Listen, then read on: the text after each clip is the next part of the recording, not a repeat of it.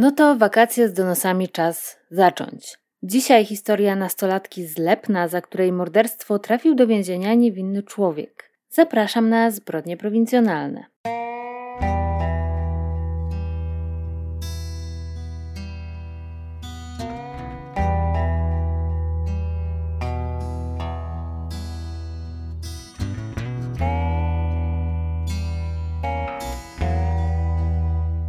Początku chciałam podziękować wszystkim tym, którzy wspierają kanał Zbrodnie Prowincjonalne na YouTubie. To dzięki Wam mogą powstawać kolejne materiały, także bardzo Wam za to dziękuję. A teraz, zgodnie z zapowiedzią, zabieram się za Wasze tematy i dzisiejszy donos pochodzi od Ewy, także bardzo dziękuję. Sprawa jest jedną z tych cięższych, bo chodzi o brutalne morderstwo, którego ofiarą padła kilkunastoletnia dziewczyna która wracała do domu w swojej rodzinnej miejscowości. Ja jak zwykle nie będę podawać za dużo szczegółów dotyczących obrażeń, ale i bez tego temat jest ciężki. Wszystko wydarzyło się w roku 2011 i jeśli nie pamiętacie dokładnie, co to był za rok, to mogę Wam powiedzieć, że był to ten rok, kiedy Polska objęła prezydencję w Unii Europejskiej. Cała Polska żyła raportem w sprawie katastrofy samolotu Tu-154M w Smoleńsku. 1 listopada tegoż roku odbyło się słynne lądowanie kapitana Wrony, awaryjne lądowanie na lotnisku Okęcie. Jan Paweł II został beatyfikowany. Na świecie trwała arabska wiosna, w szczególności rewolucja w Egipcie. Książę William poślubił swoją obecną małżonkę, czyli Kate Middleton. W radiu leciały przeboje Moves Like Jagger, Krystyny Aquilery i Maroon 5 oraz Someone Like You Adele, a hitem internetu była piosenka Friday Rebeki Black. A w dzisiejszym odcinku udamy się do województwa warmińsko-mazurskiego, do wsi Lepno w gminie Rychliki, a gmina Rychliki nie jest samotną wyspą, jak można przeczytać w raporcie o stanie gminy, choć nie jestem pewna, co do końca ma to znaczyć. W 2011 roku Lepno liczyło sobie 70 mieszkańców, także to jest zaledwie kilka domów na całą miejscowość. W latach 1998-2011 e, liczba mieszkańców zmalała o 4%. Od tamtej pory utrzymuje się mniej więcej na podobnym poziomie, za to wskaźnik obciążenia demograficznego jest tutaj znacznie wyższy od średniej krajowej. Standard życia nie jest tutaj najwyższy, o czym może świadczyć chociażby to, że, że współkiwany ustęp jest wyposażonych zaledwie 35% gospodarstw. Bezrobocie jest tutaj wyjątkowo duże. Obecnie to jest 25%, podczas kiedy na terenie całego kraju wyniosło 6%, a w 2011 roku ono było jeszcze wyższe bo wynosiło 35%. Także, także podsumowując, jest to chyba jedna z najbiedniejszych, z najbardziej zaniedbanych okolic, jakie w ogóle omawiałam w tym podcaście. Ale pomimo, że rejon jest raczej biedny, to przestępczość nie jest tutaj aż taka wysoka. Jest poniżej średniej krajowej. Natomiast jeśli chodzi o plan priorytetowy dzielnicowego, to brzmi on następująco: przy sklepach spożywczych w godzinach 6 rano 20 gromadzą się osoby, które spożywają alkohol, pod działaniem którego zakłócają porządek publiczny dla mieszkańców okolicznych budynków oraz zaśmiecają te miejsca. No jak od 6 rano, to trzeba powiedzieć, że wcześniej zaczynają. Nic dziwnego, że już po 20 nie są w stanie zakłócać porządku, także przynajmniej ludzie się mogą wyspać. No ale tak, to jest taki plan priorytetowy, jakiego można by się spodziewać w takiej miejscowości. Do Lepna prowadzi wąska, popękana, jak nie wiem co, stara szosa, wzdłuż której rosną stare drzewa. Wygląda to bardzo malowniczo, choć nie chciałabym prowadzić tutaj samochodu po zmroku. No ale Ewelina Masalska z Lepna tę szosę znała bardzo dobrze, to tutaj wysiadała codziennie z autobusu, a następnie szła nieco, nieco ponad kilometr do swojego rodzinnego domu. Ewelina miała 15 lat i uczyła się w gimnazjum w Rychlikach, oddalonych o około 8 km od jej rodzinnej miejscowości, czyli Lepna. Miała pięcioro rodzeństwa, była też jedną z dwóch córek, które mieli państwo masalscy, starszą córką, no więc jak to tradycyjnie w rodzinach bywa, to ona z całego rodzeństwa najwięcej pomagała w domu. Podobno jedną z jej ulubionych prac było zajmowanie się kurami, czym już od razu wzbudziła moją sympatię. Ewelina była drobną blondynką i często w materiałach o tej sprawie mówi się o niej dziewczynka, choć przecież 15 lat to już jest całkiem poważna nastolatka. Ale Ewelina chyba rzeczywiście była jeszcze taką dziewczynką. To jest też taki wiek, w którym bardzo widać te różnice pomiędzy rówieśnikami. Niektóre dzieciaki szybko dojrzewają, wyglądają i zachowują się jak gdyby były o wiele starsze, natomiast inne pozostają takie jeszcze dziecinne właśnie w tym wieku, takim 14-15 lat. No i Ewelina nie należała do tych przebojowych nastolatek, była raczej taką spokojną dziewczyną, najlepiej się czuła w domu, gdzie pomagała mamie w gospodarstwie, w pracach domowych, ale lubiła ogólnie to robić i zdecydowanie wolała pomoc w gospodarstwie od nauki. W szkole nie radziła sobie najlepiej, do tego stopnia, że powtarzała pierwszą klasę gimnazjum, a jej rodzina chyba jakoś bardzo do tej nauki nie zmuszała i, nie naciskała w tej kwestii, również dlatego, że Ewelina od dziecka miała problemy zdrowotne, a konkretnie cierpiała na astmę. Przez to musiała trochę bardziej uważać niż inne dzieci, trochę bardziej się oszczędzać, była słabsza, chodziła wolno, także aż się to rzucało w oczy, zupełnie nie jak piętnastolatka. Niektórzy trochę się z tego podśmiewali i pewnie też częściowo jej stan zdrowia sprawiał, że nie była taką duszą towarzystwa, choć też bez przesady, nie była jakimś kompletnym odludkiem.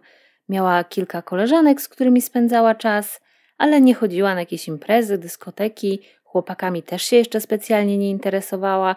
Nie wiemy oczywiście, czy tam się w kimś skrycie nie podkochiwała, jak to w tym wieku, ale na pewno z nikim się nie spotykała, bo też Rodzice zawsze doskonale wiedzieli, gdzie akurat była. Po szkole zazwyczaj wracała prosto do domu, a jeśli zostawała dłużej, to wiązało się to zwykle z jakimiś zajęciami szkolnymi, albo czasem jechała po lekcjach do którejś z koleżanek, ale jeśli tak było, to też uprzedzała o tym zawsze rodziców.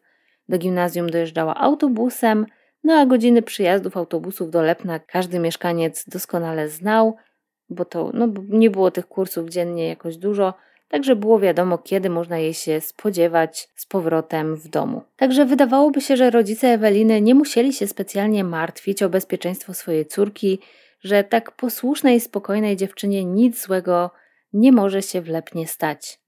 No i tak się wszystkim wydawało aż do 20 maja 2011 roku. Wtedy to Ewelina nie wysiadła z autobusu w Lepnie o 13 jak zwykle, wracając ze szkoły, ale postanowiła pojechać kawałek dalej do sąsiedniej wsi, do Buczyńca. O tym, że jedzie do Buczyńca, powiedziała swojej młodszej siostrze, która miała przekazać tę wiadomość rodzicom. No i tak też zrobiła.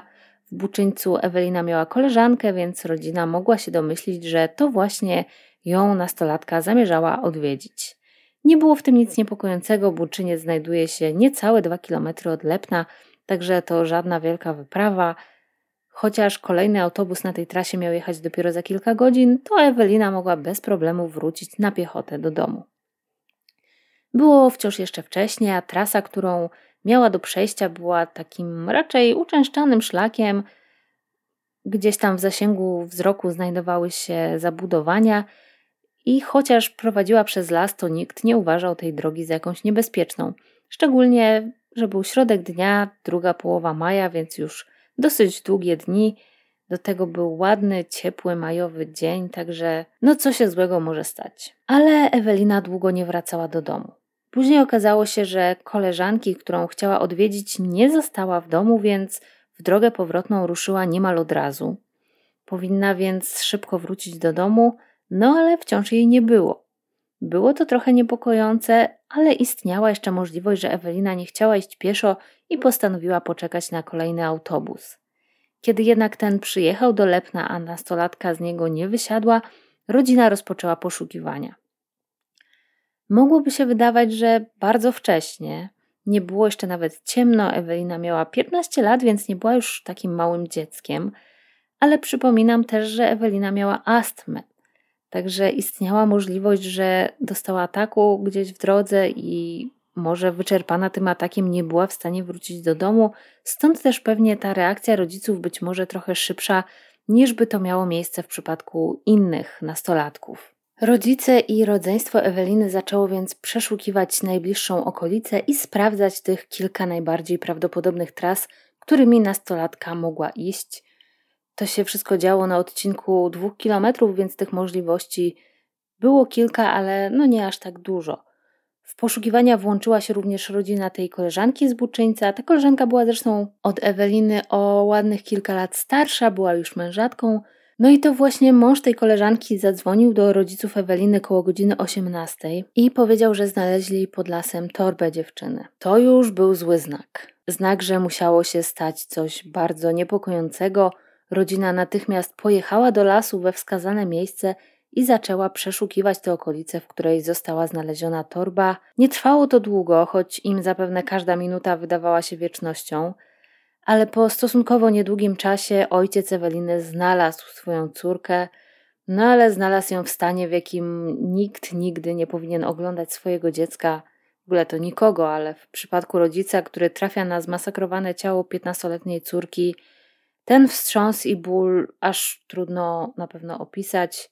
I nie wątpię, że ten widok zostanie mu już na zawsze przed oczami. Pan Masalski zachował jednak jeszcze w tym wszystkim tyle trzeźwości umysłu, żeby powstrzymać swoją żonę przed zobaczeniem ich dziecka w tym stanie i tym samym oszczędzić jej tego koszmarnego widoku. Ewelina leżała w takim zagłębieniu terenu, przykryta gałęziami, ale nie tak całkowicie schowana, tylko trochę zasłonięta. Dziewczyna była naga, poraniona, pobita, Miała związane ręce, zakneblowane usta, a na jej szyi zadzierzgnięta była lina. Jak się później okazało, dziewczyna była również ofiarą brutalnego gwałtu i to jeszcze z użyciem jakichś gałęzi, także no koszmar. To jest chyba najgorsze zestawienie, jakie sobie można w ogóle wyobrazić. Nie będę opisywać ze szczegółami tych obrażeń, bo chyba nie ma takiej potrzeby. No, trzeba powiedzieć, że zbrodnia była naprawdę brutalna Widać było, że dziewczyna wiele wycierpiała przed śmiercią, a morderca prawdopodobnie pastwił się nad jej ciałem nawet wówczas, gdy już nie żyła. Na miejsce przyjechała policja, no i wszystko działo się tak jak to zawsze w takich sprawach. Miejsce zbrodni zostało przeszukane, ciało zabrano do badań, a w międzyczasie na mieszkańców Lepna i okolic padł blady strach. Każdemu wydawało się, że teraz on albo ktoś z jego bliskich może być następny, Ludzie bali się sami wychodzić z domu. W miejscowej szkole zorganizowano nawet pomoc psychologiczną, widząc jakie napięcie panuje wśród uczniów. Taka zbrodnia w biały dzień, w uczęszczanym miejscu, które znała cała okolica, musiała być szokiem dla całej tej społeczności i też stosunkowo łatwiejsze psychologicznie było podejrzewanie, że winny jest jakiś seryjny morderca, który postanowił się może ukryć gdzieś w pobliskim lesie no ale to było takie miejsce, w którym właściwie bywali przede wszystkim mieszkańcy. Może w wakacje ktoś tam się mógł pojawić, ale generalnie na tej drodze przyjezdni nie mieli za bardzo czego szukać i wszystko wskazywało na to, że sprawcą tej strasznej zbrodni najprawdopodobniej był ktoś z okolicy, ktoś, kogo być może znali całe życie, spotykali w sklepie, w kościele. Także przerażenie było ogromne i policja znalazła się pod dość dużą presją, żeby tę sprawę jak najszybciej rozwiązać. W tym celu powołano specjalną grupę złożoną z około 20 policjantów z kilku różnych jednostek, z Elbląga, z Pasłęka, z Olsztyna i w ciągu trzech dni przesłuchanych zostało kilkadziesiąt osób. Pobrano też próbki DNA od wybranych. Mieszkańcom Lepna i sąsiednich wsi również zależało na tym, żeby jak najszybciej znaleźć sprawcę, dlatego zaczęli zastanawiać się, kto z ludzi, których znali, mógłby się czegoś takiego dopuścić no i w rozmowach z policją zaczęło się coraz częściej pojawiać jedno nazwisko, nazwisko Bronisława G. Ktoś widział jego samochód w okolicy Buczyńca koło godziny 14.15, kiedy to najprawdopodobniej doszło do morderstwa. 64-letni Bronisław pochodził z jednej z okolicznych wsi w gminie Zalewo, nie z samego Lepna. W sumie to nawet nie była taka najbliższa okolica, bo to jest około tam 20 paru kilometrów ale miał w Buczyńcu znajomych, których dość często odwiedzał, dlatego ludzie go kojarzyli. Bronisław mieszkał na strychu w starym budynku, w którym kiedyś była szkoła. Podobno był tam takim dzikim lokatorem, który nie płacił czynszu i mieszkał tam w ogóle bez prądu. A to, co różni świadkowie mówili o Bronisławie, faktycznie brzmiało niepokojąco. Podobno miał w zwyczaju zaczepiać kobiety. Można to chyba nazwać molestowaniem, bo to były takie wulgarne teksty z kategorii czego to ja bym z tobą nie zrobił. ale też różne próby dotykania. Także Bolesław miał raczej opinię takiego lokalnego oblecha i kobiety wolały go omijać szerokim łukiem, co trudno mieć nim za złe. No i już po tych kilku dniach policja zdecydowała się dokonać zatrzymania i nie patyczkowali się z Bronisławem. Trzeba powiedzieć, scena była jak z filmu sensacyjnego z rzucaniem na glebę, wybijaniem zębów, kajdankami i tym wszystkim, co sobie można wyobrazić y, przy aresztowaniu groźnych przestępców. Przynajmniej tak to opisuje sam aresztowany. No i dość szybko w świat poszła informacja, że oskarżony się przyznał. I ta historia, którą w tamtym momencie przedstawiono, wyglądała tak, że Bronisław miał jechać samochodem i potrącić idącą poboczem Ewelinę. Wysiadł z samochodu, doszło między nimi do kłótni i szarpaniny, ale Bronisław nie przyznał się na żadnym etapie do gwałtu ani do zabójstwa.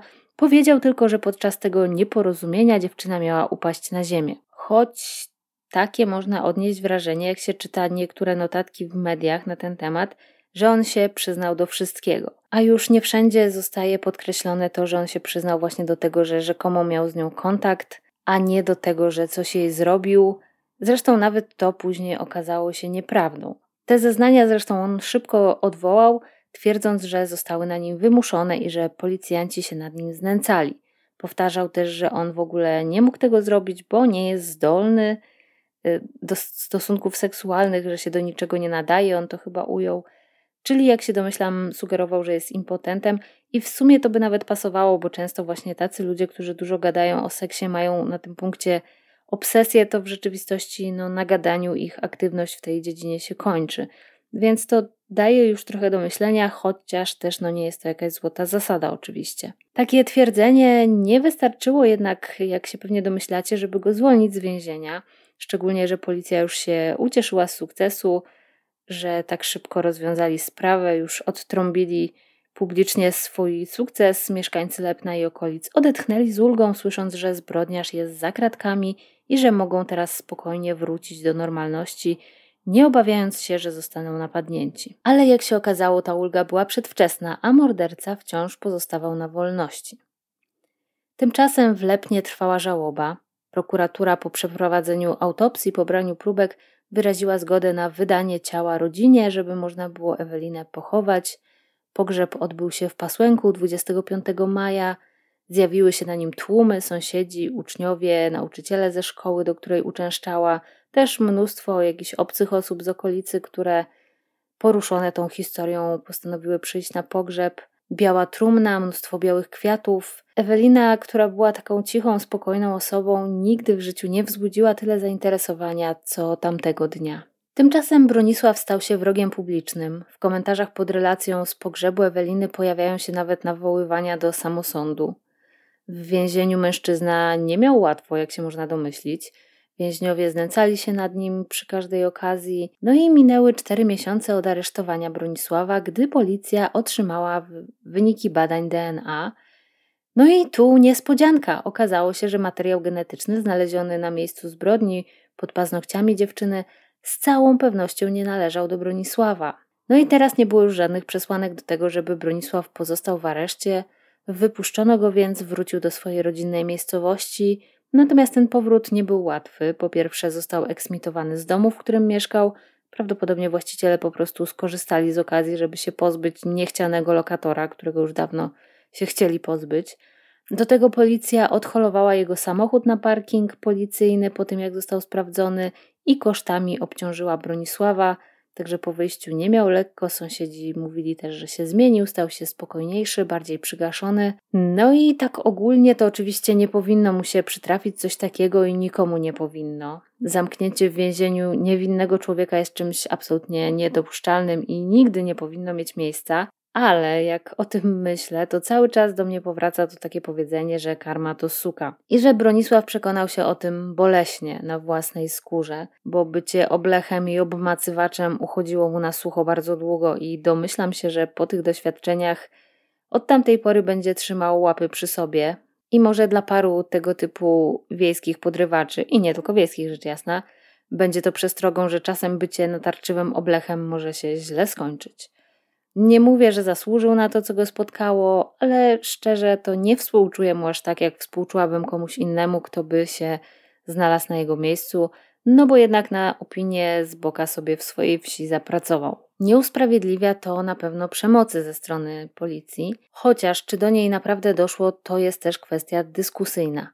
Od razu nasuwa się taka myśl, że przecież nie ma żadnego innego powodu, żeby się przyznać do przestępstwa, którego się nie popełniło. Każdy sobie wyobraża, że tylko w razie takiego bezpośredniego zagrożenia życia, właśnie jakiegoś znęcania, katowania, mógłby zrobić coś takiego, no bo w innym wypadku, no to dlaczego? Ale już chyba kiedyś też przywoływałam przykład Amandy Knox, która też przyznała się do zbrodni, której nie popełniła, po tym jak była przesłuchiwana przez wiele godzin w obcym języku i została zmanipulowana przez policjantów. I ona w swojej książce i w wywiadach, których udziela, stara się opisać dość dokładnie to doświadczenie i mówi o tym, że gdy człowiek zostanie odizolowany od wszystkich, zastraszony, gdy jest zmęczony wielogodzinnym przebywaniem w pokoju przesłuchań, nic nie jadł, nie spał, a ktoś mu przez kilka godzin w kółko mówi: A może to zrobiłeś, ale nie pamiętasz, piłeś wczoraj alkohol, może ci się film urwał, może cierpisz na amnezję, może to wyparłeś. My wiemy, że ty to zrobiłeś. Przyznaj się, to pójdziesz do domu, powiedz, że to ty, może to był wypadek, wiemy, że tego nie chciałeś, przyznaj się, to odpoczniesz, no i tak dalej. To w końcu można powiedzieć wszystko, bo człowiek ma dość i marzy tylko o tym, żeby mieć spokój, żeby to się skończyło. Przestaje myśleć o konsekwencjach, o tym, co to przyznanie się będzie dla niego oznaczało, tylko włącza się taki instynkt przetrwania, zrobić coś, żeby teraz w tej chwili odpocząć, a resztą zajmie się kiedy indziej. I to się udaje przeważnie przy przesłuchaniach ludzi słabszych psychicznie albo bardzo młodych, niedoświadczonych, mających jakieś, jakieś upośledzenia umysłowe, o niskim ilorazie inteligencji też w przypadku bariery językowej, kiedy ktoś nie jest przesłuchiwany w swoim ojczystym języku, albo też kogoś uzależnionego, na przykład narkomana czy alkoholika. Także im ktoś jest słabszy, tym łatwiej na nim wymusić jakieś zeznanie i wcale nie potrzeba do tego bicia. Te oskarżenia Bronisława nie zostały nigdy publicznie potwierdzone przez policję, wręcz przeciwnie, mówiono o tym, że on teraz takie rzeczy mówi, bo zamierza walczyć o odszkodowanie za niesłuszne aresztowanie i faktycznie wystąpił o takie odszkodowanie. Już o tej walce tak głośno nie było w mediach, ale podobno faktycznie otrzymał odszkodowanie w wysokości 40 tysięcy złotych, ale to za te 4 miesiące spędzone w areszcie, a nie za pobicie czy inne nadużycia ze strony policjantów. Stanowisko policji jest takie, że przy wszystkich przesłuchaniach Bronisława był obecny psycholog, że dopełniono wszelkich procedur, Aresztowany na żadnym etapie postępowania nie złożył skargi, choć miał taką możliwość, a dopiero gdy została nagłośniona ta sprawa, skontaktowali się z nim adwokaci, zaczął mówić o tym, że był bity. Nikt też nie stwierdził u niego żadnych obrażeń i żadnych śladów pobicia. No także tutaj mamy tylko słowa Bronisława na potwierdzenie tego. Oczywiście wiadomo, że policja też tak chętnie się do tego by nie przyznała, gdyby faktycznie coś takiego zaszło. No także tu mamy słowo przeciwko słowu, trudno to rozstrzygnąć jakoś. Natomiast niemal natychmiast po zwolnieniu Bronisława policja aresztowała kolejnego podejrzanego. 29 września zatrzymany został 58-letni Bogdan H.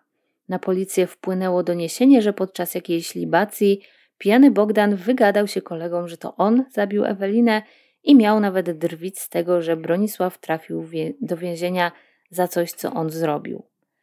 Nie jestem pewna, czy policja miała jego materiał genetyczny jeszcze przed aresztowaniem, bo policja pobierała DNA od okolicznych mieszkańców, także przy okazji mogli je również wziąć od Bogdana.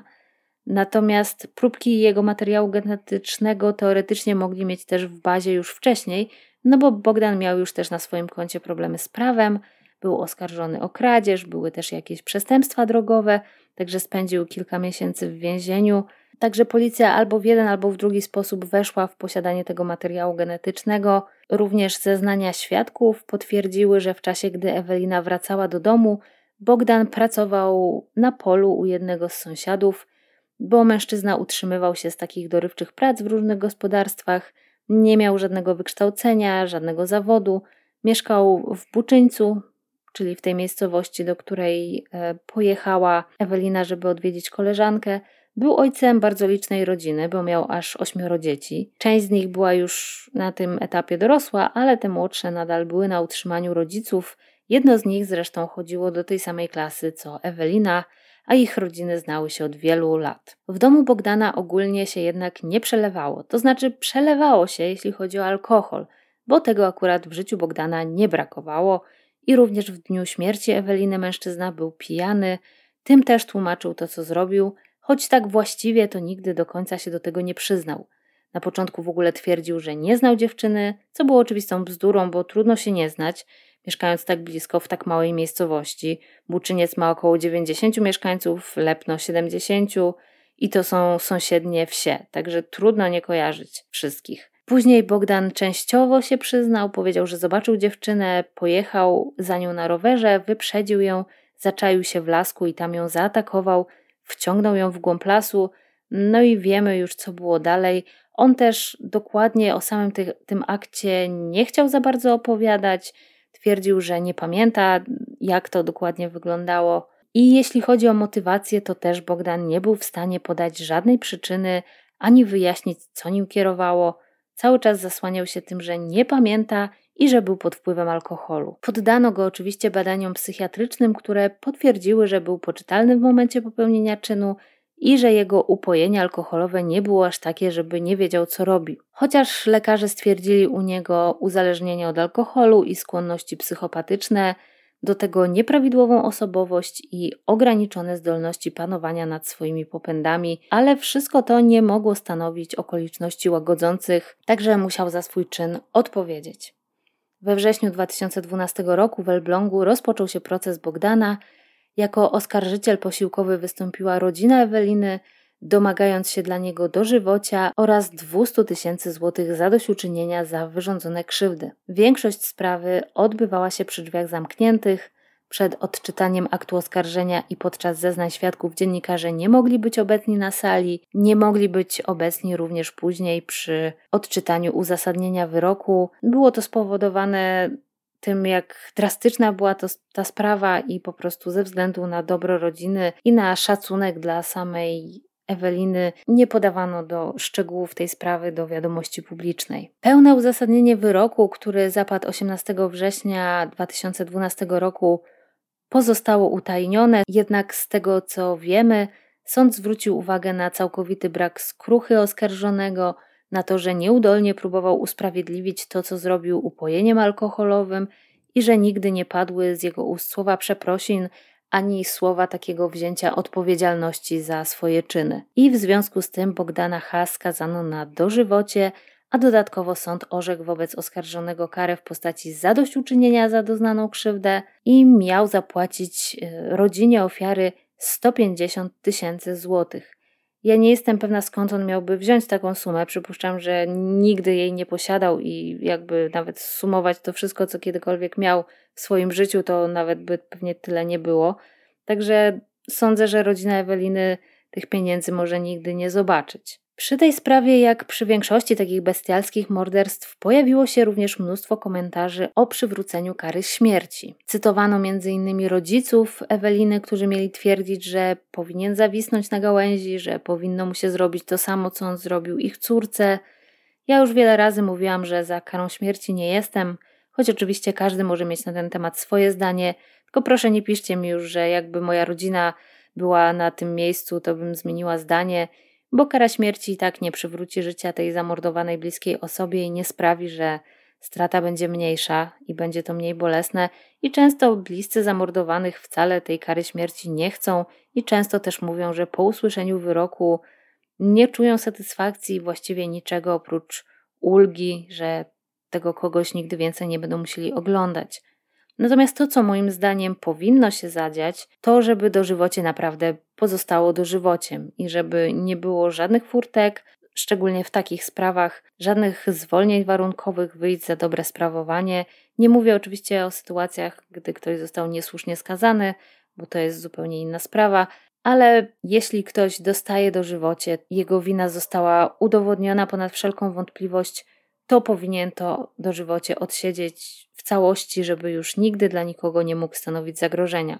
I też myślę, że szczególnie w przypadku właśnie zbrodni prowincjonalnych jest to bardzo widoczne, bo w dużym mieście, jak ktoś, kto zabił twoje dziecko, wyjdzie z więzienia, to możesz nawet o tym nie wiedzieć, a w każdym razie prawdopodobieństwo, że spotkasz tego kogoś jest niewielkie, No a na wsi, gdzie taki morderca mieszka kilka domów dalej i wraca do tej, do tej samej miejscowości, no to musi być to koszmar. Przede wszystkim dla rodziny, ale pewnie też dla sąsiadów. Także Bogdan odsiaduje obecnie wyrok w Elblągu, no i mam nadzieję, że w tej sprawie dożywocie rzeczywiście pozostanie dożywociem. No i tym niezbyt chyba optymistycznym akcentem zakończę już na dziś. Dziękuję jeszcze raz Ewie za podesłanie mi tej sprawy. Wszystkie źródła, z których korzystałam, jak zawsze, są podlinkowane w opisie. Dziękuję Wam za uwagę. Przypominam, że możecie obserwować zbrodnie prowincjonalne na Instagramie. Tam wrzucam czasem jakieś informacje o tym, co akurat nagrywam, także możecie mieć informacje z pierwszej ręki. A na dziś to już wszystko. Żegnam się z Wami i zapraszam na kolejne odcinki zbrodni prowincjonalnych.